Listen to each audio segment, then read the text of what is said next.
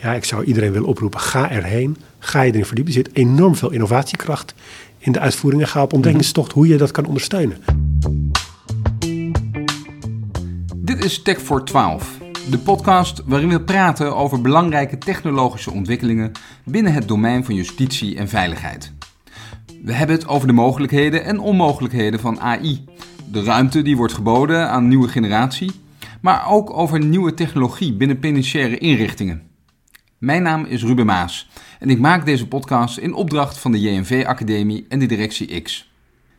In dit vierde en laatste gesprek van het seizoen ga ik in gesprek met Wouter Dronkers, MT-lid en plaatsvervangend directeur sanctie- en slachtofferbeleid op het bestuursdepartement Justitie en Veiligheid. In deze aflevering bespreken we hoe je scherp blijft op de juiste toepassing van technologie als er een woud aan mogelijkheden is. Wat doe je bijvoorbeeld als er meer mogelijk is dan wat de wet toelaat? Maar eerst de vraag aan Wouter: welke rol heeft technologie in zijn werk?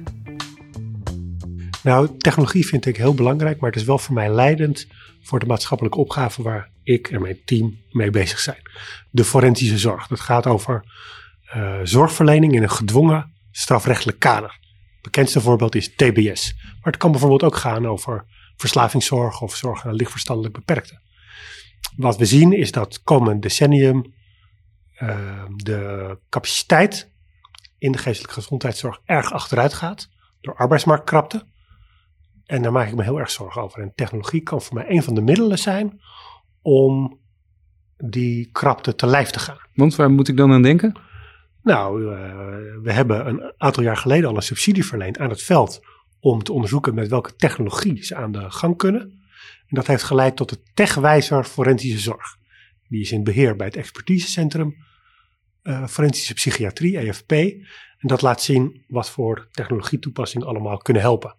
Dan kan je denken aan wearables waarmee stressniveaus gemeten kunnen worden. Je kan denken aan VR-brillen waarmee mensen kunnen helpen om te oefenen met moeilijke situaties. Hè. Hoe kan ik bijvoorbeeld omgaan als psychiatrisch patiënt met een spannend gesprek aan de kassa van de supermarkt? Hè, dat soort situaties kunnen al heel spannend zijn voor mensen die in de forensische psychiatrie uh, zitten. En dus het is fijn om met virtual reality bijvoorbeeld te kunnen oefenen.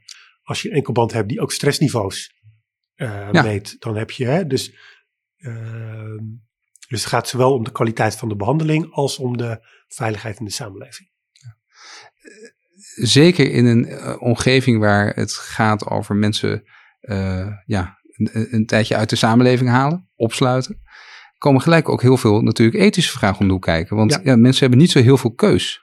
Ja, ja dus dat, dat, dat, dat ethische aspect, dat is natuurlijk ook heel belangrijk voor onze beleidsvorming. Dus voor dit specifieke onderzoek, uh, onderwerp gaan wij ook uh, advies vragen aan een expertraad. De Ra Raad voor de Sanctietoepassing en Jeugdbescherming. Uh, over precies dit punt. Hè, hoe, onder welke medisch-ethische condities kan je nou die technologie goed inzet. Omdat het toch gaat vaak om dingen die in of aan het lichaam ja. plaatsvinden. Denk aan een bodyscan.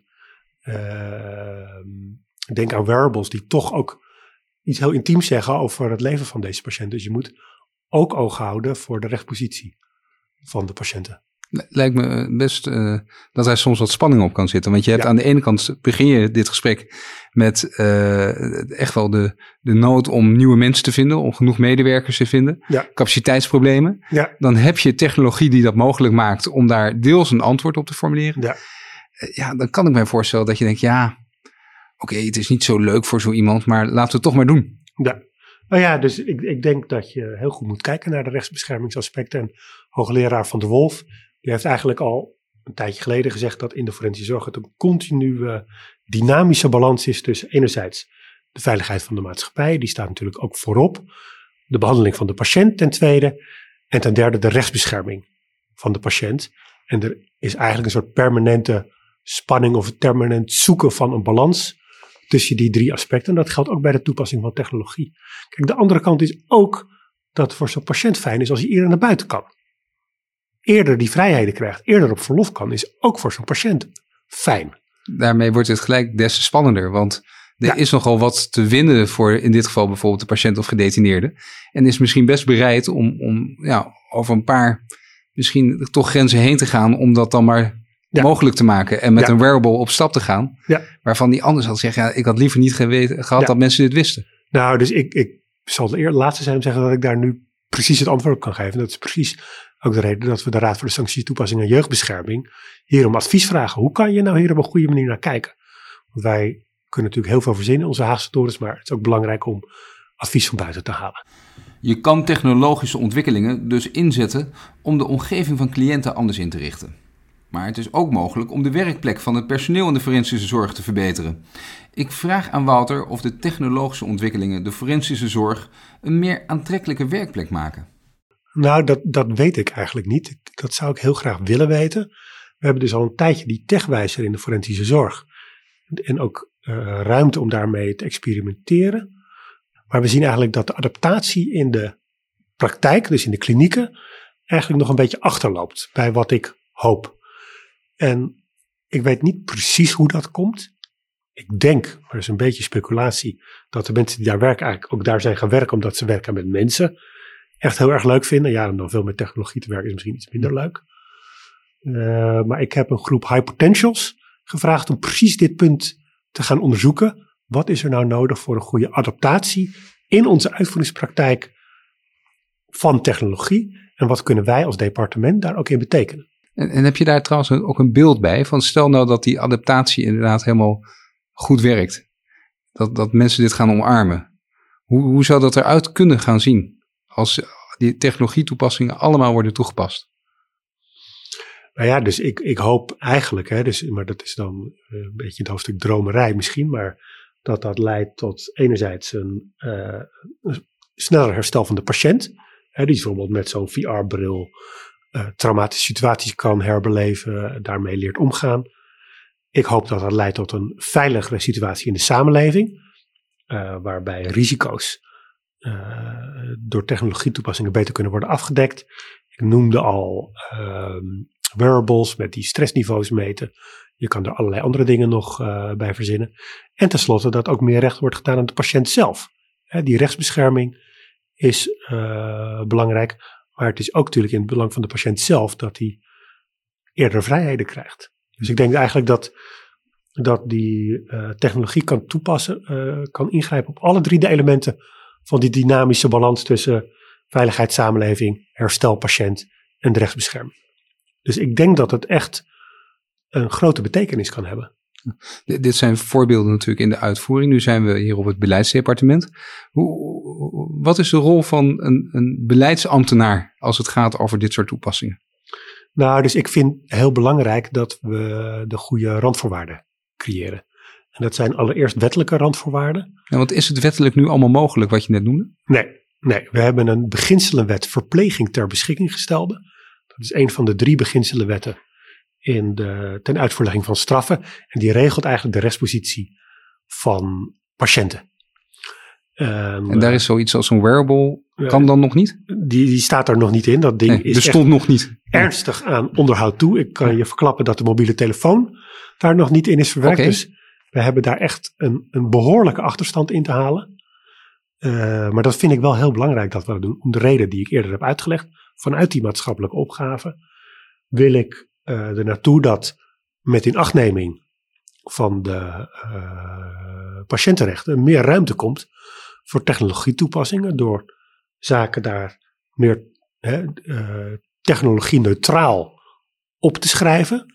Zodat we, ik heb het nu over de mobiele telefoon, die alweer een antiek ding. Maar dat bij de volgende uitvinding we niet op, opnieuw de wet moeten aanpassen, want dan lopen we per definitie achter de zaken aan.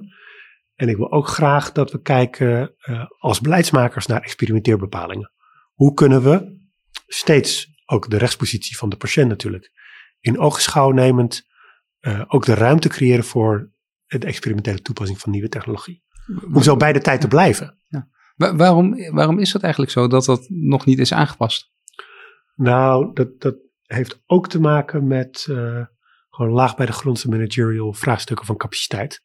We- De zorg. de mobiele telefoon bestaat nu een jaar of dertig? Nou, dat, dat, dat Ja, denk ik zoiets ongeveer. Ja, Ja, jaar of 20. twintig. Ja, dus dat is een goede vraag. Hè? Dus eh, ik heb daar niet een heel eh, goed antwoord op, omdat het gewoon niet zo'n hele goede reden voor is. Ik denk dat eh, de, ehm, er was een voornemen zes jaar geleden om dit te gaan aanpassen. Toen waren er zulke heftige incidenten. Hm. Dat dat uh, Michael P., Anne Faber kan je herinneren, de moord op Elsborst. Ja. Dat, uh, dat daar de aandacht naartoe gaat. En dat dan dit soort structurele verbeteringen minder aandacht krijgen. En dat is ook wel een van de uitdagingen op een bestuursdepartement. Waar ja, de politieke actualiteit natuurlijk altijd aandacht vraagt. En je moet opletten dat structurele verbeteringen daar niet onder lijden. En uh, versta me niet verkeerd, hè? die politieke aandacht, dat actualiteit, is ook ons werk. Ja, maar tegelijkertijd geef je een aantal hele mooie voorbeelden van mogelijkheden van toepassing van technologie. En eigenlijk staat dus de huidige wet dat nog in de weg. Ja, ja dus wat er nu gebeurt in de uitvoering, gebeurt echt met, op vrijwillige basis met de patiënten die er zijn. He, dus als je uh, naar een TBS-kliniek gaat, dan zou het zomaar kunnen zijn dat je daar een bodyscan-apparaat ziet, waar de patiënt die uh, na verlof de kliniek weer inkomt, van gebruik kan maken als hij dat wil. Dat is een stuk veiliger, omdat je eigenlijk veel meer ziet uh, dan met een fouillering of zelfs een visitatie. Uh, maar dat is vrijwillig. Vrijwilligheid is natuurlijk altijd een beetje ingewikkeld in deze context, hè? maar als mm -hmm. de patiënt dat niet wil, dan gaat hij niet door die bodyscan. Ja. Het heeft ook wel zo vaak zijn aantrekkelijke kanten voor een patiënt, want een visitatie is natuurlijk ook niet een heel prettige ervaring. Ja, en dat zou dus precies misschien iets moeten zijn wat in zo'n wet goed geregeld zou Ja. kunnen worden ook. Want je, Ja. je zit met mensen in een soort afhankelijkheidspositie Ja. eh, versus Ja. eh, toepassing van technologie. Waar de druk misschien op een gegeven moment best groot wordt om die toe te passen. Ja. En tegelijkertijd hebben wij, als het gaat om de forensische zorg, wel ook met de sector afgesproken, en dat is ook de politieke lijn, dat in dilemma's tussen zorg en veiligheid, de veiligheid, de maatschappelijke veiligheid altijd voorop staat. En wat zegt het dan precies bij deze toepassing? Nou, ik, ik, eh, dus ik wil niet op de beleidsvorming vooruitlopen, maar ik, ga ervan uit dat we de ruimte gaan creëren voor de uitvoeringspraktijk om structureel te werken met eh bodyscans. In de snelle technologische ontwikkelingen is het belangrijk dat je scherp blijft op het doel en niet het middel. Zeker als het gaat over het oplossen van maatschappelijke vraagstukken, is het belangrijk om het grote plaatje in het oog te houden. Hoe zorgt Wouter ervoor dat hij zijn ogen op de bal houdt? Nou, dus in een heel algemeen antwoord zou zijn dat je feedbackmechanismen moet inrichten. En daar zijn wij natuurlijk best wel heel goed in als ministerie met adviescolleges, inspecties, eh, die ons scherp houden op allerlei zaken die niet goed gaan. Maar ik vind ook dat je mm, als stelselverantwoordelijke, in mijn geval stelselverantwoordelijk voor de forensische zorg, moet nadenken over het lerend vermogen van een sector. En daar hoort precies wat jij noemt, hoort daarbij. Hoe blijf je scherp op de dingen die je doet? Hoe uh, blijf je scherp dat technologietoepassingen je niet ja, op een oneigenlijk pad van verleiding sturen, waar je niet meer de dingen doet die nodig zijn. Dus het, het zelflerend vermogen stimuleren, dat is daarin cruciaal. Dat kan je, moet je in je eigen sector beleggen, maar je hebt ook externe partijen nodig die je daarop scherp houden. We hebben nu over, natuurlijk veel over de uitvoering in de forensische zorg, omdat dat natuurlijk ook eh, je verantwoordelijkheid is. Ik ben wel benieuwd uh, hoe je voor je eigen werk uh, aankijkt tegen nieuwe technologie. Ja. Uh, zie je daar ook mogelijkheden? Nou, de Algemene Rekenkamer heeft recent een kritisch advies uitgebracht over de beschikbaarheid van goede stuurdata in um, de forensische zorg. Dus wij hebben echt nog een soort inhaalslag te maken op dat gebied. He, dus ik ben eigenlijk helemaal niet zo tevreden met waar wij staan als bestuursdepartement in termen van ja, wat weten we over deze sector. He, dus dat is, ja, misschien wel zeg je wel, het is jaren negentig technologie, Wouter. Nou, inderdaad. He, dus dat, daar hebben we echt nog een inhaalslag uh, te maken. En waar zit die inhaalslag dan vooral in? Nou, in, in het hebben van goede, betrouwbare stuurinformatie die ons zicht geeft op hoe het functioneren van het stelsel als geheel. Data. Data. En ja, niet alleen ruwe data, maar natuurlijk ook data die veredeld is van informatie tot kennis. Dat in, en inzichten. Ja. Daar gaat het om.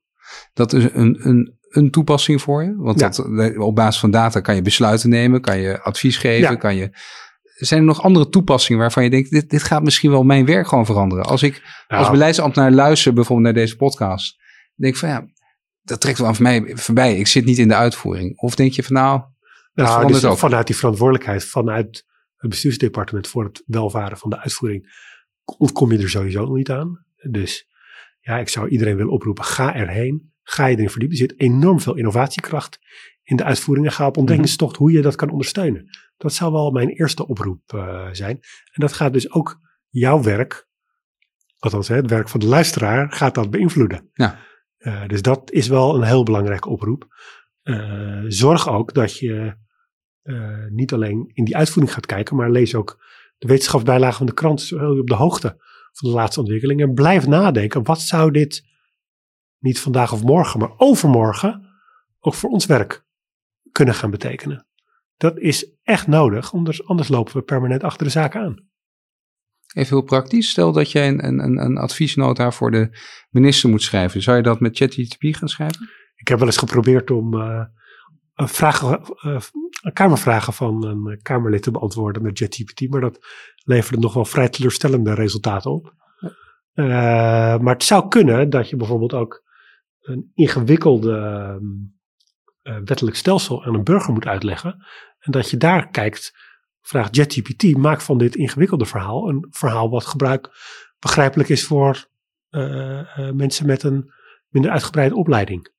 Dus ik denk dat, dat dat soort dingen, dat je daar echt profijt van gaat hebben. Of um, herschrijf deze notitie zodat het uh, aantrekkelijk is voor een minister van bijvoorbeeld rechtssignatuur. Zou zomaar kunnen. Ja. Zie je dat voor je? Nou, ja, het zou kunnen. Ik denk uh, dat uh, die technologietoepassingen die ik eerder noemde, die, uh, bijvoorbeeld die enkelbanden, die kan je ook op twee manieren bekijken. Je kan zeggen, nou, die maken eerder vrijheden mogelijk. Uh, dat is aantrekkelijk voor een bewindspersoon die ehm, vrijheid uh, hoog in het vaandel heeft staan. Terwijl een bewindspersoon die zegt, nou, die veiligheid is toch het allerbelangrijkste. Kan je ook dezelfde enkelband presenteren als iets wat de veiligheid versterkt. Het is trouwens allebei waar. Hè? Ja, dat zou je nu ook doen, misschien ja. in, als je nu wat schrijft. Ja, ja, ja dus uh, en dat ChatGPT je daar misschien op inspiratie uh, kan helpen, dat denk ik wel. Ja, ja dus, en ik denk wel dat, je, dat, dat op termijn bijvoorbeeld ook publieksvragen over um, de forensische zorg misschien door een chatbot, een AI-gedreven chatbot beantwoord kunnen worden. Of uh, dat dat ook helpend is om de maatschappelijke legitimiteit van ons stel, hè, stelsel um, te bevorderen. Als je vragen van burgers goed kan beantwoorden. Van de andere kant bekeken, de, de, de, mensen die in een TBS-kliniek komen of in de, in de forensische zorg terechtkomen, um, daar gaat misschien ook wel iets veranderen. Want die komen ook in een samenleving waar technologie een andere rol speelt. Ja. Merk je daar al iets van? Nou, sowieso. Hè, voor mensen die hè, mensen zitten lang in de forensische zorg. Dat je de standaard is 6 tot 8 jaar. Ja. Als je 10, 15, 20 jaar in de forensische zorg komt, dan kom je echt in een heel andere wereld weer terug dan die je verlaten hebt. En kom je ongeveer terug uit de tijd waarin die wet was geschreven. Ja, ja. ja. En kom je terug in de wereld van de oldschool mobiele telefoon. Ja. Of misschien wel helemaal geen uh, mobiele telefoon. Ja. Uh, hè, dus dat zien we vooral in de long stay afdelingen. Dat daar mensen, zeker als ze toch weer een klein beetje vrijheid krijgen, in een samenleving weer verlof moeten genieten. Een samenleving die ze nauwelijks nog herkennen. Dus dat geeft ook wel extra uitdagingen bij het voorbereiden van de patiënt op het terugkeer in de samenleving. En hoe doe je dat? Nou ja, dus de devies in de forensische zorg is gaandeweg laten wennen. Hè? Mensen gaandeweg stapje bij beetje voorbereiden. En bij die voorbereiding hoort dus ook gaandeweg meer en meer vrijheden bij de toepassing, het zelfgebruiken van technologieën. En dus kun je in de hoog beveiligde sector, dan heb je geen internettoegang, geen mobiele telefoon. Maar naarmate je naar de echte vrijheden toe gaat, ga je natuurlijk ook oefenen met die mobiele telefoon. Want de verleidingen in de samenleving, ja, die zijn straks als je echt weer die samenleving zijn, bent, helemaal terug. Hm. Hetzelfde geldt voor internettoegang. In principe op het hoogbeveiligde niveau, misschien uitzonderingen daar gelaten, geen internettoegang, maar gaan mensen wennen aan een veiligheid. Of aan een vrijheden, excuus. Ja, dan ga je ze toch weer, uh, ook moet je ze leren om uh, met het internet om te gaan en met de verleidingen die en die er op het internet kan vinden. Dus daaraan wennen, daarmee leren omgaan, dat is de kern van de begeleiding die de mensen krijgen in een TBS-kliniek. Tot slot, als ik, uh, als ik luister naar deze podcast en ik ben werkzaam in een van deze torens waar we nu zitten, de JV-torens, um, en denk, ja, ik zit aan de beleidskant. Ik zit niet in de uitvoering. Wat zou je hun adviseren als, als luisteraar om, om goed aangesloten te zijn bij deze gesprekken over nieuwe technologie? Nou, ga die toren uit. Dat zou ik je adviseren. Ga op werkbezoek bij, uh, in de uitvoering, hè, waar zoals ik al zei, uh, veel tech-innovatie plaatsvindt. De politie, het CIUB, allerlei plekken in onze mooie strafrechtketen waar al heel veel innovatie is. Maar ga ook eens op zoek, bezoek bij TNO. Ga eens bezoek bij een groot bedrijf waar veel technologie toepassingen zijn. Wees nieuwsgierig, ga erop uit, blijf niet in die toren en ontdek wat er allemaal is. En dan zal blijken dat het eigenlijk een superleuk en spannend avontuur is. En dat jou ook heel veel gaat brengen. En dat ingewikkelde vraagstukken waar je mee werkt misschien wel helpt om op te lossen. Want er is meer mogelijk dan je denkt. En, en welke vraag zou ik mijzelf moeten stellen? Nou, ik zou altijd beginnen, zoals we ook dit gesprek begonnen, met de maatschappelijke opgave. En creatief en open-minded kijken, oké, wat kan deze technologie, die nu geen enkele rol speelt in mijn beleidsterrein, misschien toch gaan betekenen? dus fantasie speelt daar denk ik een, een, grote rol in. En gun jezelf ook dat je ook uh, mag dromen en fantaseren over wat er allemaal mogelijk is. Dankjewel. Graag gedaan. Dit was de vierde aflevering in de podcastserie Tech voor 12, waarin ik, Ruben Maas, in gesprek ga met verschillende ambtelijke leidinggevenden over hoe zij nieuwe technologie inzetten op hun werkterrein. Tech voor 12 is gemaakt in opdracht van de JNV Academie en de Directie X. Dit was de laatste aflevering van dit seizoen, maar we komen snel terug met een nieuwe serie. Tot dan!